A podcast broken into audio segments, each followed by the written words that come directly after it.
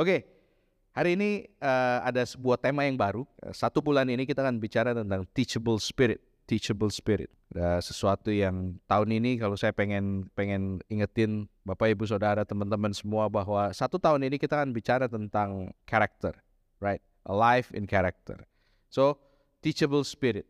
Teachable spirit adalah sebuah karakter yang perlu dibangun dalam setiap kehidupan kita. Teachable spirit. Dan Hari ini saya mau bicara tentang yang buka tema ini teachable spirit dengan sebuah uh, ayat dari firman Tuhan dari Amsal 1 ayat yang ketujuh. Semua orang tahu ayat ini dan sempir semua orang pernah baca ayat ini. Fear of the Lord is the foundation of true knowledge, but fools despise wisdom and discipline. Proverb 1, 7, versi New Living Translation. Dulu di kampus saya, di Bandung, Maranatha, di GSG, Gedung Serbaguna. Gedung paling besar di Maranatha ada tulisan besar sekali tulisannya Fear of the Lord is beginning of knowledge. Jadi, setiap kali saya ujian, karena saya ada di fakultas yang paling besar, jadi kalau ujian harus di GSG saya ujian di situ, saya selalu lihat itu. Fear of the Lord is beginning of knowledge. Gimana caranya nyontek ya? Tulisannya fear of the Lord. Saya nggak bisa nyontek. Fear of the Lord, nggak boleh nyontek. Jadi, tapi uh, fear of the Lord adalah sesuatu yang mungkin kelihatannya kayak kayak biasa. Kita dengar ini biasa. Kita sering sekali dengar ini. Tapi hari ini saya mau coba buat kupas, mau coba buat bagi ke semua, untuk kasih sebuah fondasi supaya minggu-minggu depan kita akan bicara lebih banyak soal uh, teachable spirit.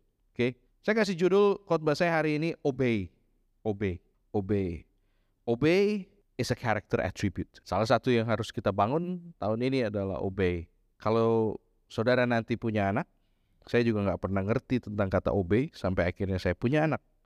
Dulu saya selalu dengar perkataan dari ayah saya bahwa kamu itu sulit sekali. I was a difficult boy. Saya dua kali dibuang dari rumah. Dibuang dari rumah dalam dalam dalam arti yang sebetulnya. Jadi dibuang dari rumah, ditaruh di rumah cicinya papi saya satu tahun, balik ke rumah, worse, dibuang lagi, dibuang lagi ke rumah omnya dia. Di situ saya belajar uh, banyak hal. Karena di situ saya tinggal dengan uh, auntie ya mungkin auntie and uncle. Dan saya punya grand uncle tinggal di situ. Udah nggak ada grand ontinya jadi kita tinggal di situ satu satu ruko. Saya tinggal di sana. Mereka bikin begitu banyak hal yang membuat saya hari ini bersyukur. Waktu dulu sama sekali nggak ada rasa syukur. Karena waktu dulu mereka khusus bikin English Day just for me to learn English. They made English Day.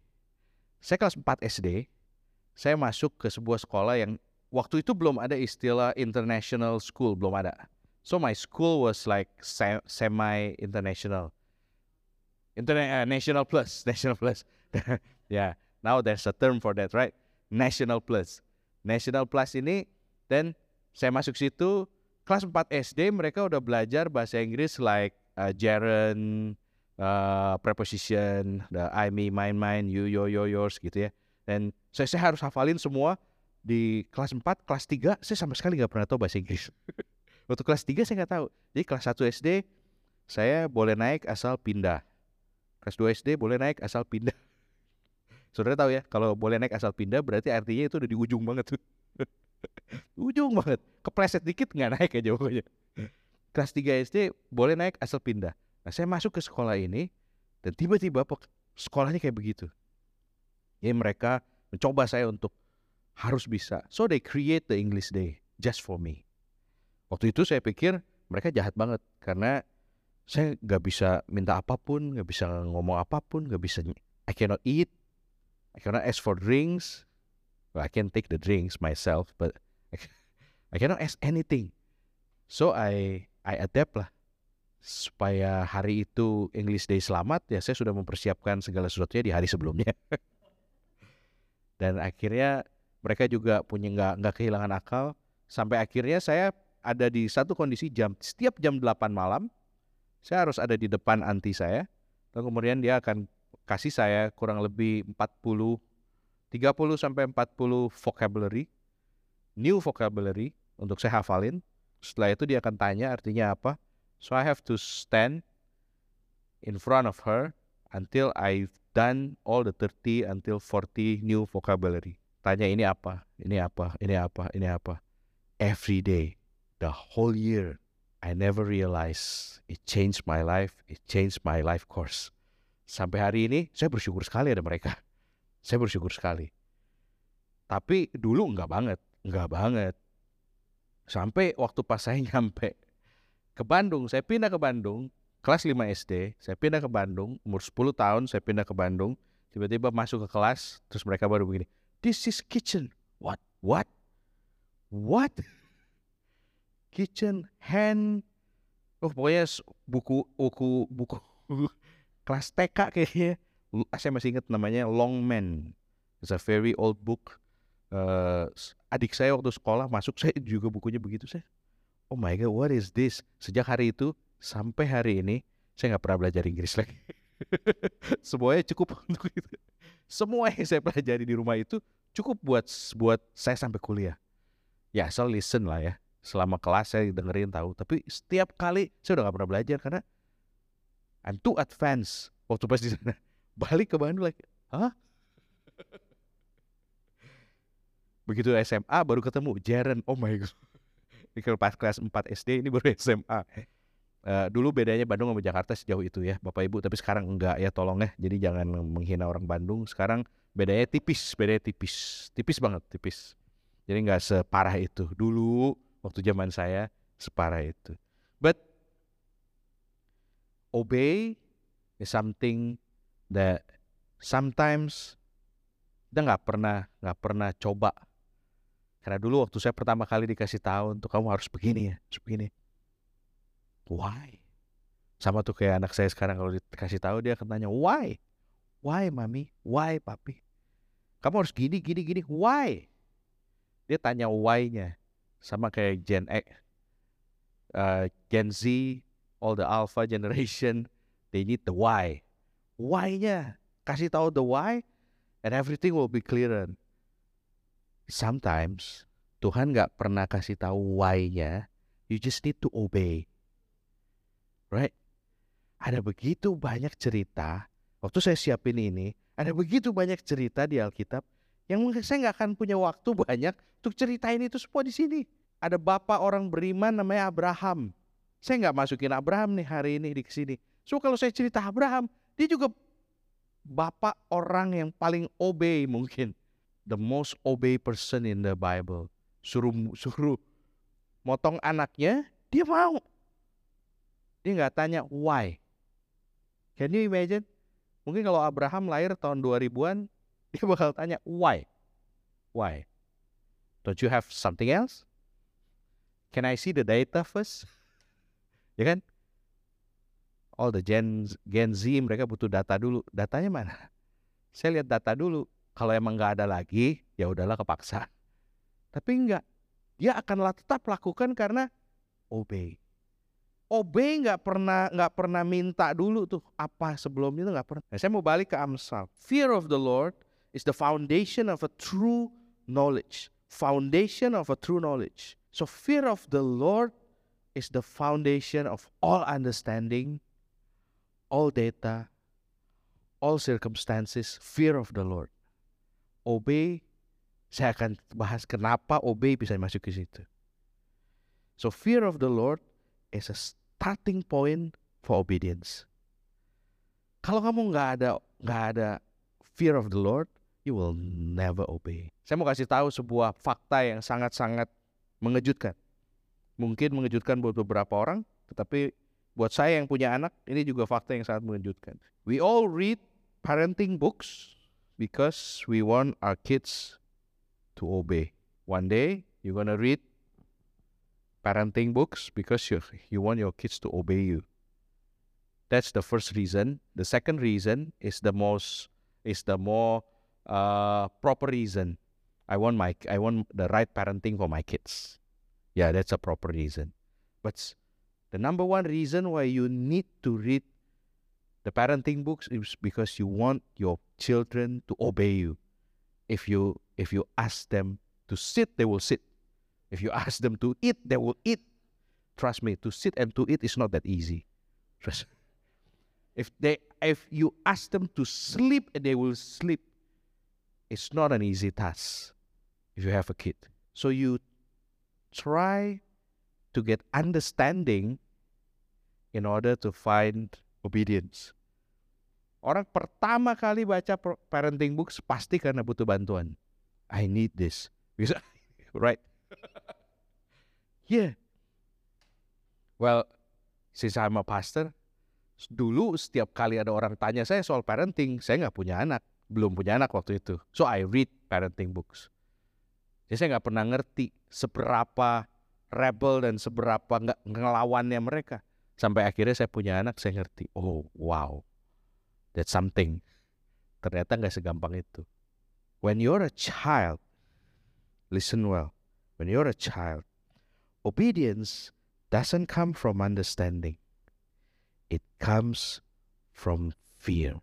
Itu sebabnya, that is why all parents will start to create fear. You sit down, why I will laugh you. Itu.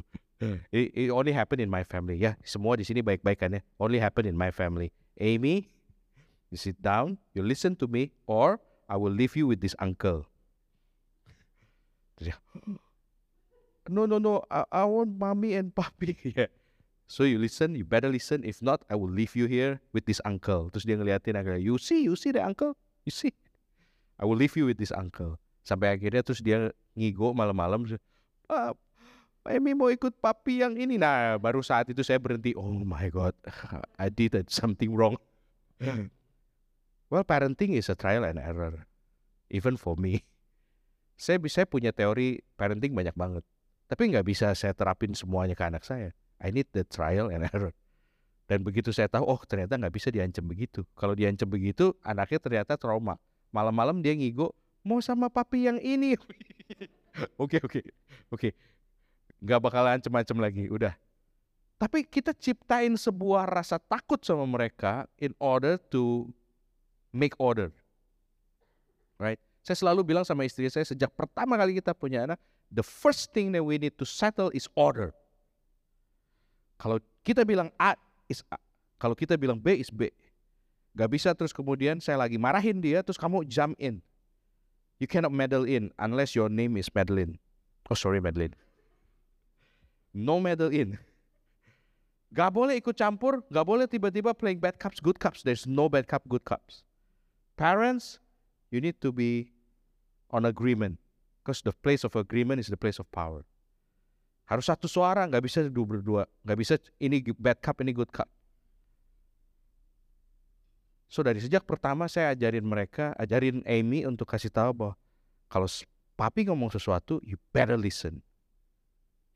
Sebab saya nggak akan ngulang dua kali. Well, kenyataannya diulang hampir 15 kali. Like, Amy, sit down. Amy, sit down. Amy, sit down. Amy, sit down. Amy, if you fall down, you might get concussious, you know. Can you spell concussion? Gak, gak gitu. Jadi saya selalu berusaha untuk, come on, come on, kasih tahu bahwa order is from us. Dia nggak bisa ngatur. Makanya setiap kali setiap kali anak saya minta bahwa dia ambil handphone saya, snatch, terus saya bilang no, you cannot snatch. Saya ambil, saya rebut paksa. Saya bilang you cannot snatch. Because just now I snatch from you and you cry. Remember? You cannot snatch. Saya selalu kasih tahu bahwa order is from us. So we create fear. Create fear. Lucu kan? We create fear. And you know what? Sepanjang Old Testament, sepanjang perjanjian lama, God create fear in order the people to listen. Why? Because they are babies. Mereka semua bayi bayi-bayi rohani. Mereka belum punya keputusan yang baik untuk ambil keputusan sendiri. Mereka belum punya otak yang cukup baik untuk bisa mencerna segala sesuatunya. Sehingga mereka harus diperlakukan seperti bayi, seperti anak kecil. Itu sebabnya kalau kita baca sepanjang perjanjian lama isinya adalah naik, turun, naik, turun. Mereka baik, mereka jahat, mereka baik, mereka jahat, baik, jahat, baik, jahat, terus gitu terus. Karena mereka nggak ngerti. Sama kayak anak kecil mereka nggak ngerti. Bahkan setelah dikasih tahu the fear, mereka tetap nggak takut. Wow, itu sebabnya Tuhan panggil mereka tegar tengkuk. Ini bangsa yang tegar tengkuk, nggak ngerti, udah diginin, digituin, tetap nggak mau nangkep. Dan saya percaya hari ini kita bukan orang-orang kayak begitu. Right? Fear will give birth to understanding and wisdom. Kalau pertamanya dikasih dikasih takut, lama-lama bakal ngerti. Kayak Amy ini udah ngerti nih. Umur tiga tahun, dia udah tahu banget gimana gimana dia udah nggak takut. Sekarang kalau diperintah dia udah tahu. Dan kalau dia dia pinter sekali untuk you cannot touch this. Contoh, you cannot touch this. Kalau ini, kalau ini, kalau ini, kalau ini, I can The order is simple, cannot touch this. Kalau ini, kalau semua dipegang. So kita harus create order for everything. Sekarang udah bukan lagi fear, it's understanding. Now is wisdom. The fear will build understanding and insight. Oh, sekarang kalau mau pergi sama papi mami, maka uh, sometimes we go with Jimmy's car, right? So kita pergi pakai mobilnya Jimmy. Kalau pergi pakai mobilnya Jimmy dia tahu bahwa aku harus duduk di car seat, terus harus pakai uh, seat belt. So dia tahu. That's the understanding and insight. Dia tahu bahwa dia harus pakai car seat, dia pakai seat belt. Pulang ke Indonesia, no car seat, papi tetap nyetir. No seat belt, papi tetap jalan. Bahkan pulang ke Indonesia, dia boleh duduk di depan. Sepanjang di sini dia nggak pernah duduk di depan, selalu duduk di belakang pakai karsit. Pulang ke Indonesia dengan terpaksa kita kasih dia di depan karena ya dengan terpaksa lah. Saya nggak perlu jelasin alasannya. Dan terpaksa kita kasih di depan. So now come a new understanding and insight. So kalau di Indonesia boleh kan duduk di depan. Kemarin kita ke Bali, dia tanya, boleh dong duduk di depan. Hah. Susah kan punya anak, makanya sadarlah bahwa kalian itu menyebabkan banyak kesusahan. So that fear will create understanding and insight. Sampai sini semuanya nangkep? Saya mau bacain satu ayat bagian firman Tuhan dari ayat 1 sampai ayat 8. Please bear with me. Proverbs 2 from 1 to 8. My child, listen to what I say. This is Solomon. Raja Salomo, orang paling pandai, paling bijaksana. Tidak akan pernah ada lagi orang yang lebih bijaksana dari dia karena Tuhan bilang kebijaksanaan dia datang dari Tuhan. He got wisdom from God. There will be no more like Solomon. Satu-satunya, one of a kind. Dia yang tulis ini. Dan waktu dia tulis ini, dia tulis, My child. So that fear of the Lord is the beginning of knowledge is for a child. It's not for you because you're a grown man, you're a mature Christian. Amen. It's for a child. My child, listen to what I say and treasure my command. Tune your ears to wisdom and concentrate on understanding. Tune your ears to wisdom and concentrate on understanding. Cry out for insight and ask for understanding. Search for them if you would as you would for silver, seek them like hidden treasures. Kita dikasih tahu untuk cari, to spend all the effort, to strive, if I want to change the, the, the, the terminology, to strive, strive for wisdom. Then you will understand what it means to fear the Lord. Kalau kamu cari wisdom, you will understand the fear of the Lord. And you will gain knowledge of God. For the Lord grant wisdom. From his mouth come knowledge and understanding. He grant a treasure of common sense. Saya balik lagi. He grant a treasure of common sense to the honest. He is a shield to those who walk in, in with integrity. He guards the path of the just and protect those who are faithful to him. Salomo kasih kita sebuah kunci. If you want if you want to obey, if you want to be obedience, kejar wisdom. Karena kalau kamu dapat wisdom, if you get the wisdom, God will grant you a common sense. It's a common sense, but sometimes we lose our senses. Sometimes kita bikin sesuatu yang nggak masuk akal. Kenapa? Karena kita jauh dari Tuhan. Kita gak cari dia punya wisdom. Dan kita balik lagi jadi kayak anak-anak. Cuman anak-anak yang gak punya common sense. Cuman anak-anak yang gak ngerti. Kenapa harus ngantri? Kenapa harus gini? Kenapa harus gitu? Mereka gak dapet. We need to build. What we need to build is an appetite for wisdom and insight. Ini awalnya. For wisdom and insight. The appetite for wisdom and insight. So church, saya pengen kasih tahu ya. Wisdom and insight. Nggak jadi cuma gara-gara berdoa.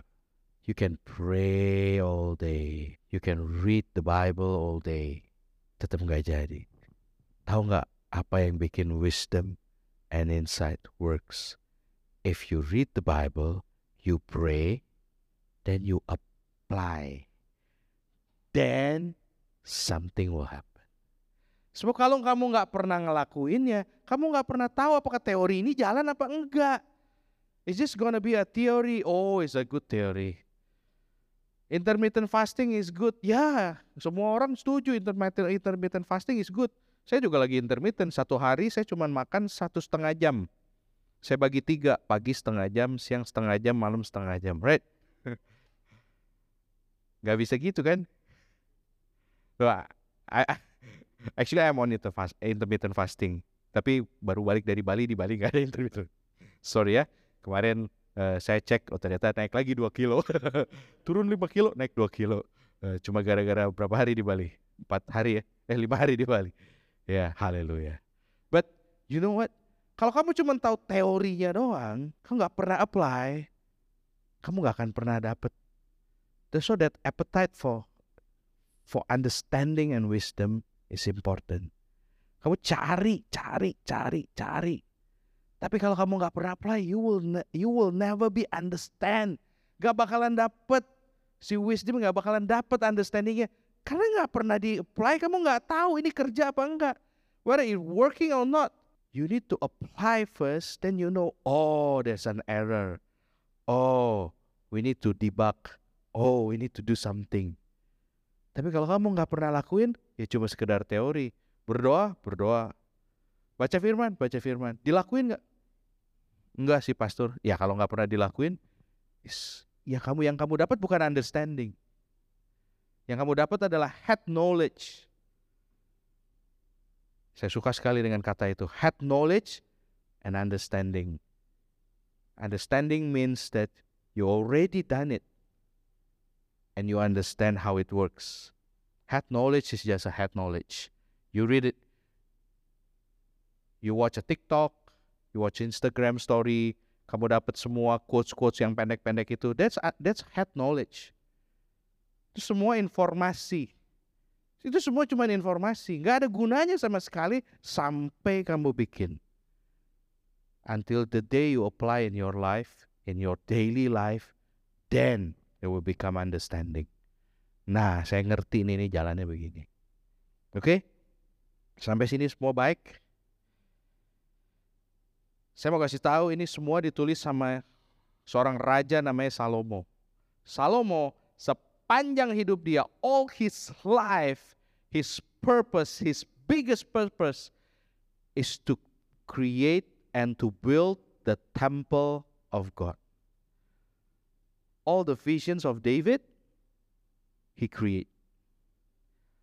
all his life spent on building the temple, the greatest temple ever. Berhasil, berhasil. Setelah itu, setelah itu hidup dia mulai ngaco. When you lose your purpose, baru mulai hilang. So hati-hati. Sometimes we lost our purpose. Lalu hidup mulai goyang. Saya mau balik ke sini. First King 11:2. The Lord had clearly instruct the people of Israel, you must not marry them because they will turn your heart to their gods. Gak boleh menikah dengan orang-orang di sekitar situ, dengan semua perempuan-perempuan asing, orang Edom, orang macam-macam semuanya.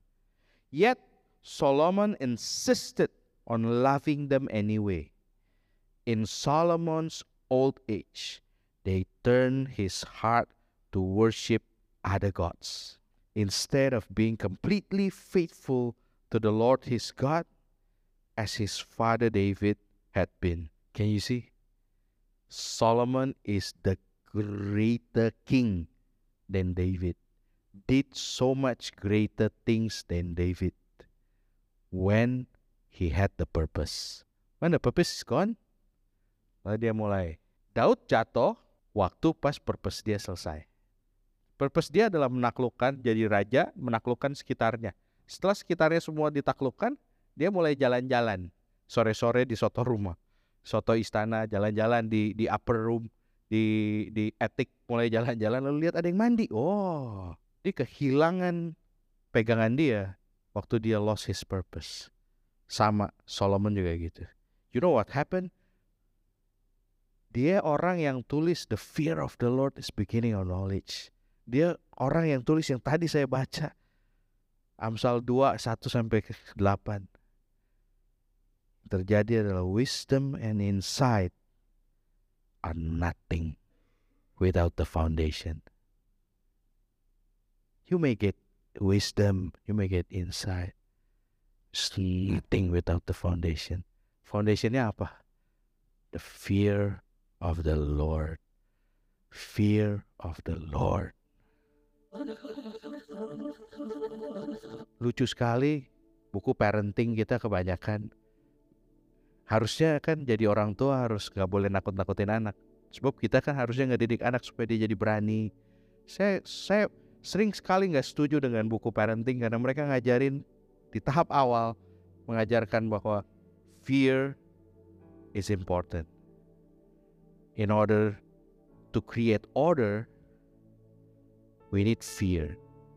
Wah, saya nggak setuju pertama kali saya baca itu like what? What?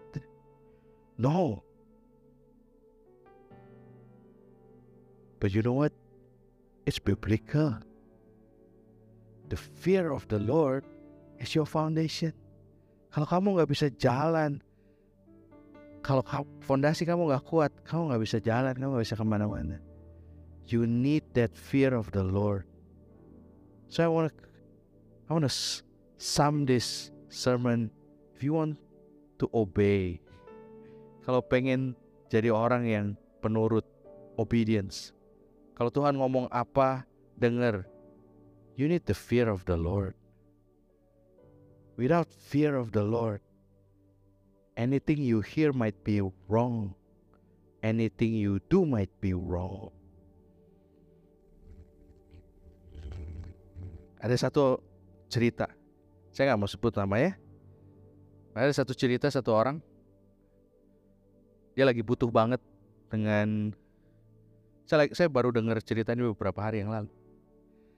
Ada satu orang dia butuh banget dengan dengan seorang yang bisa ambil video. Dia butuh videographer. Dia cari ke mana-mana dan nggak ketemu. Dia coba buat hire orang, nggak ketemu. Dia butuh seorang untuk bisa ambil video gak, gak dapet di tengah-tengah situasi kayak gitu. Lalu satu kali dia jalan, dia ketemu dengan satu orang dengan kondisi yang baik, tetapi bersama dengan anaknya lagi lihat satu makanan, roti, lalu kemudian ayahnya bilang dia dia kedengeran bahwa ayahnya bilang bahwa kita nggak bisa, we cannot afford that.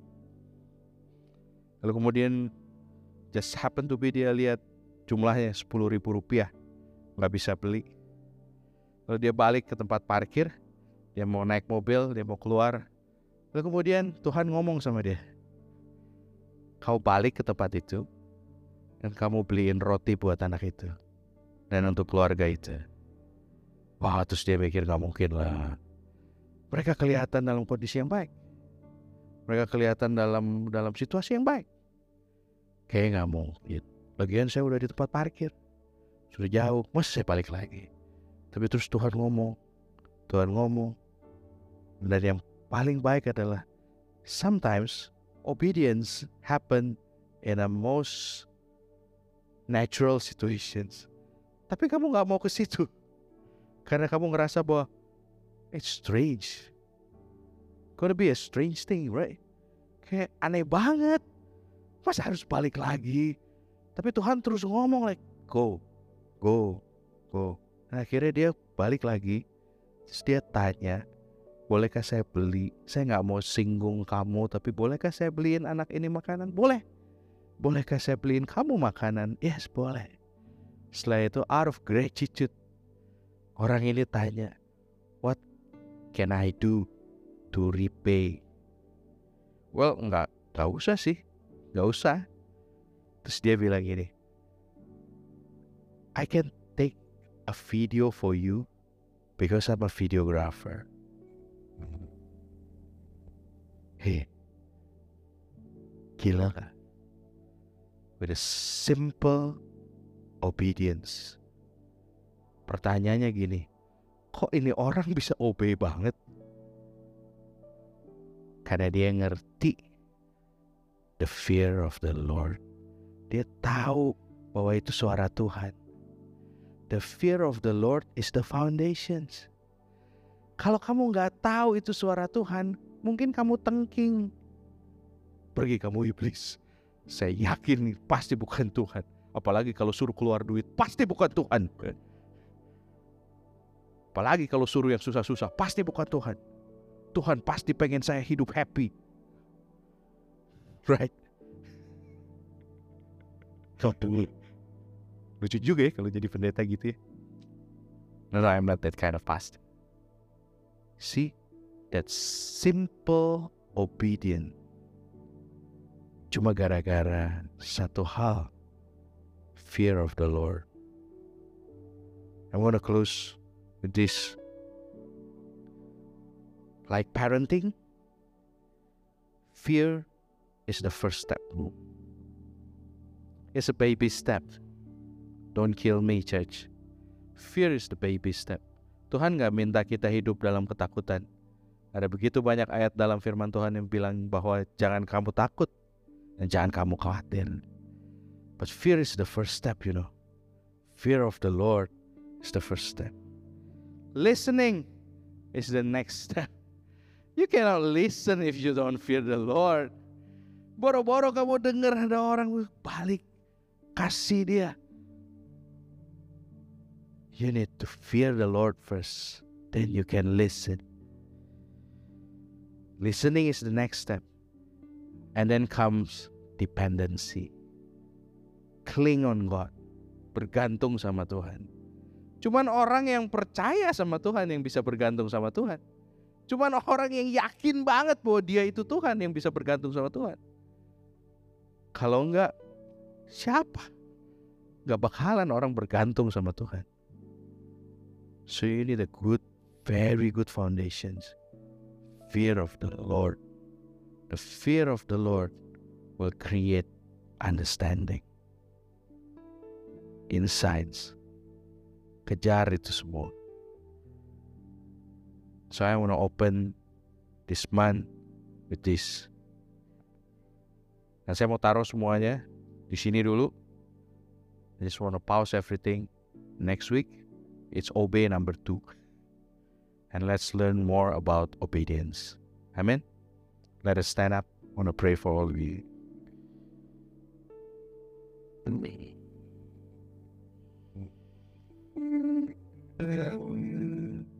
Thank you, Lord Jesus.